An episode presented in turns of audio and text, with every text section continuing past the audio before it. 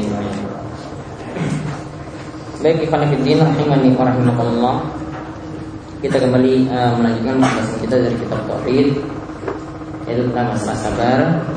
Tadi telah kita sampaikan uh, dua dalil yaitu dari surat At-Taghabun ayat 11 dilanjutkan dengan perkataan Al-Qamah Baru setelah itu uh, hadis dari Abu Hurairah diriwayatkan oleh Imam Muslim.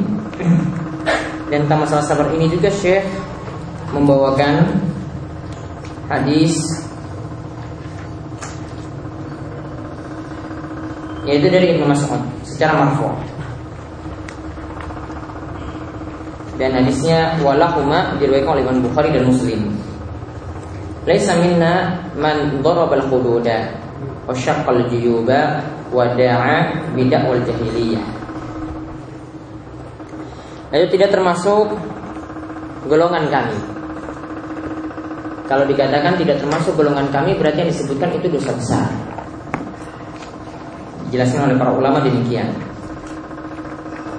Berarti apa yang disebutkan itu dosa besar.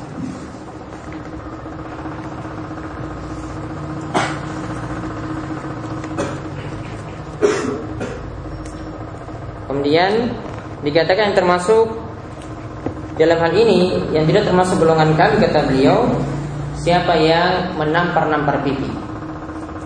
Wasyakal juga dan merobek-robek saku baju. Wada'a bidakwal jahiliyah dan melakukan ya, atau menyuruh perbuatan jahiliyah. Atau melakukan perbuatan jahiliyah Artinya seluruh perbuatan jahiliyah yang telah dilarang oleh Islam. Seperti dijelaskan oleh Ibnu Qayyim. Contohnya adalah fanatik golongan atau fanatik suku. Juga termasuk di sini adalah ta'assub yaitu fanatik buta pada mazhab tertentu. Ini termasuk ya menyuruh dengan dakwaan jahiliyah. Dan Syekh Muhammad bin Abdul Wahab juga punya kitab sendiri yang membahas tentang masalah-masalah jahiliyah. Ya banyak permasalahan yang beliau sebutkan yaitu dalam kitab beliau Masailul Jahiliyah.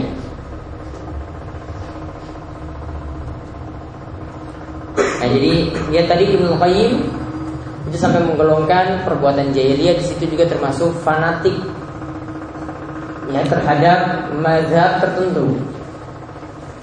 Artinya dimaksudkan dengan fanatik mazhab di sini adalah ketika sudah bertentangan dengan dalil pendapat dari suatu mazhab, maka dia lebih utamakan pendapat mazhab daripada mengikuti apa kata Allah dan Rasulnya. Ini fanatik yang tidak dibolehkan. Namun kalau dalam proses belajar Ya, semua ulama itu mulai dari mempelajari madhab. Tidak ada yang tidak mempelajari madhab. Ketika mereka sudah sampai tarapan Sampai tingkatan beristihad Baru mereka lepaskan madhab tadi. Kalau belum tahu dalil apa-apa ya ikuti madhab. Jadi tidak selamanya mempelajari madhab itu tercela. Yang tercela adalah jika terlalu fanatik jika ta'assub yang berlebihan jelas-jelas pendapat mazhab ini bertentangan dengan dalil. Dalil katakan haram mazhab katakan boleh. Ya pendapat mazhab ditolak. Dalil yang diambil. Ya, jadi kalau masih ada sifat fanatik pada mazhab tertentu seperti itu ini masih bawaan dari atau warisan dari jahiliyah Yahudi Nah kita masuk dalam pembahasan sabar. Ini yang dua hal yang pertama yaitu dorobal hududa wa syakal yaitu menampar-nampar pipi, merobek-robek saku baju. Ini tanda orang-orang yang tidak sabar. Berarti menunjukkan perbuatan seperti ini yang tadi kita sebut dengan perbuatan niyaha. Ya, ini termasuk dosa besar. Karena dikatakan laisa minna. Tidak termasuk golongan kami. Kemudian juga ada hadis setelah hadis dari Ibnu Mas'ud, ada hadis dari Anas radhiyallahu anhu bahwasanya Rasulullah SAW bersabda, idza aradallahu bi 'abdihi al-khaira ajjala lahu al-uquba fid dunya wa idza arada bi 'abdi syarra amsaka anhu bi dhanbi hatta yuwafiha bihi yaumil qiyamah yaitu kata Nabi wasallam jika Allah Subhanahu wa taala menginginkan kebaikan bagi hamba maka hukuman dia itu di akhirat disegerakan di dunia. Jadi dia diberi musibah di dunia daripada dapat di akhirat. Akhirat nanti lebih berat. Wa idza Allah bi 'abdihi syarra amsaka anhu. Jika Allah menimpakan kejelekan pada seseorang, ya, maka amsaka anhu bi dzambi Allah akan tahan dosanya, akan tahan dosanya Artinya Allah tidak memberikan hukuman di dunia atas dosanya tersebut hatta yuwafiya bi yaumil qiyamah. Sampai nanti akan ditunaikan pada hari kiamat hukuman tersebut.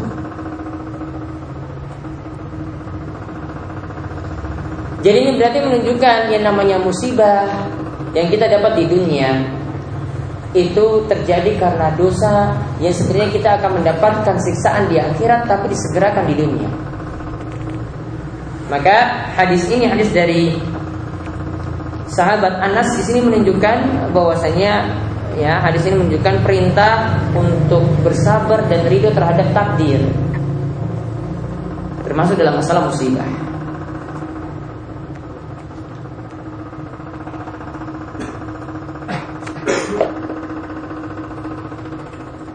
Kemudian ini juga mengandung pelajaran yang penting hendaklah setiap orang itu berhusnuzon kepada Allah Subhanahu wa taala terhadap musibah yang terjadi. Jangan sampai ada persangkaan yang tidak baik. Kok Allah menimpakan terus musibah ini kepada kami? Boleh jadi itu gara-gara dosa kita sendiri. Gak usah Allah itu disalahkan.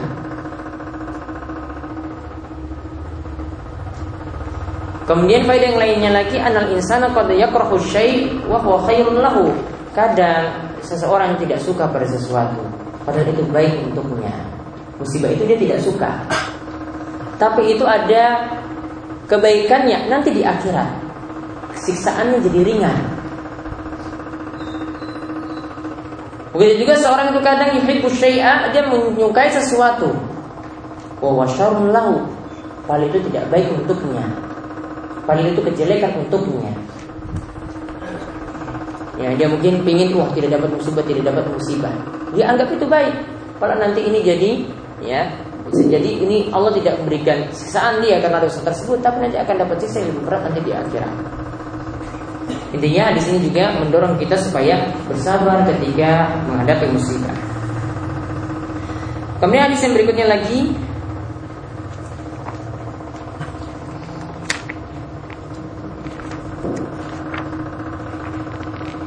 Itu sama dari Anas bin Malik. Bahwasanya Nabi SAW bersabda, Inna idham idham al inna idham al jaza ma idham al bala. Sesungguhnya balasan itu semakin besar dilihat dari cobaan yang semakin besar. Wa inna Allah Ta'ala idza ahabba qauman ibtalahum dan Allah jika mencintai suatu kaum maka Allah akan menimpakan kepada mereka musibah. Maka kata Nabi SAW, "Faman radiya falahu ridha." Siapa yang ridha terhadap musibah tersebut maka Allah juga menyukainya. Wa man safita falahu Dan barang siapa yang tidak ridha, murka, sakat itu maksudnya murka, tidak ridha, maka juga dia akan mendapatkan kemurkaan ya gara-gara tidak sabar tatkala menghadapi musibah tersebut. Hadis ini dihasilkan oleh Imam Tirmizi.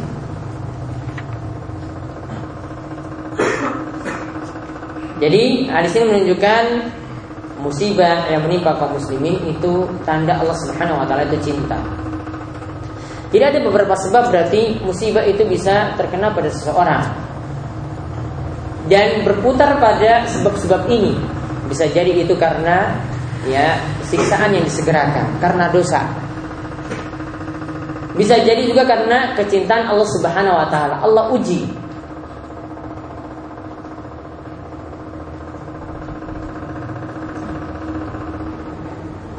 Ini dua hal yang disebutkan di sini. Jadi tidak selamanya ya misalnya yang tertimpa pada para nabi itu bukan bukan kalau mereka tertimpa musibah tidak bisa kita katakan bahwasanya nabi itu penuh dosa tidak.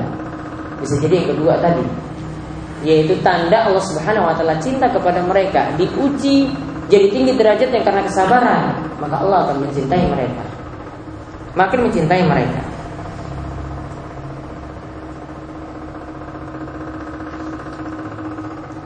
Dan dalam hadis ini juga menunjukkan ya Allah memiliki sifat mahabbah sifat cinta dan juga sifat ridha dan juga sifat sakhat murka pada manusia. Jadi ada tiga sifat yang disebutkan dalam hadis ini.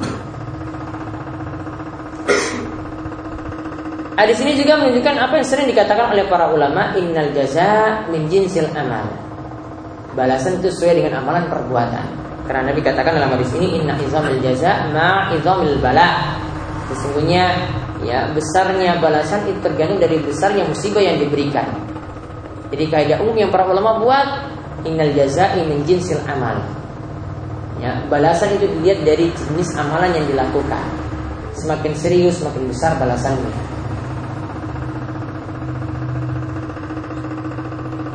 Dan intinya di sini menerangkan tentang perintah atau kewajiban bersabar tatkala menghadapi musibah.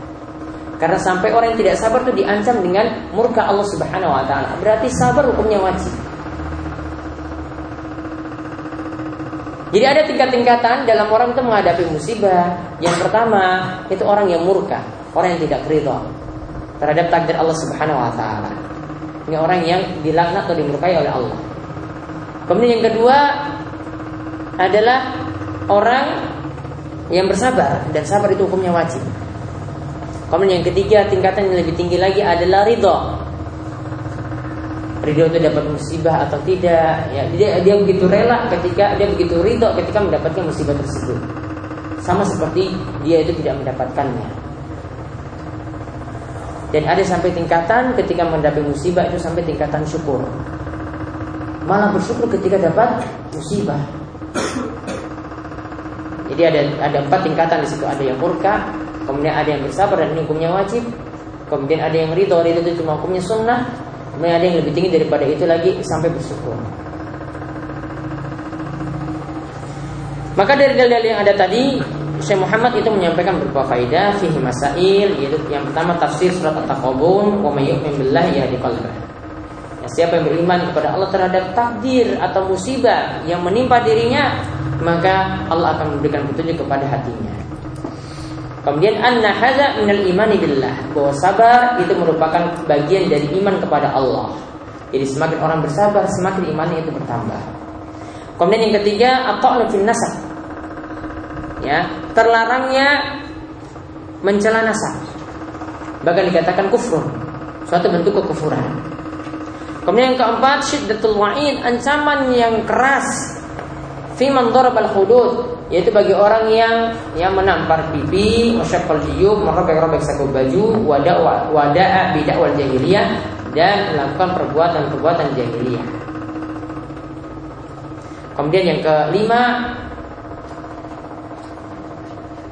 dijelaskan dalam hadis yaitu tentang tanda Allah itu menghendaki kebaikan bagi hambanya. Itu tandanya adalah Allah itu menyegerakan musibah di dunia. Ya, hukuman di akhirat Allah segerakan di dunia. Kemudian yang keenam, alamatu iradatullahi 'abdi syarra, yaitu juga tanda Allah itu menghendaki kejelekan bagi hamba. Yaitu Allah sengaja membiarkan dia dalam dosa dan nanti dia akan disiksa di akhirat. Kemudian yang ketujuh, alamatu hubbillahil 'abdi.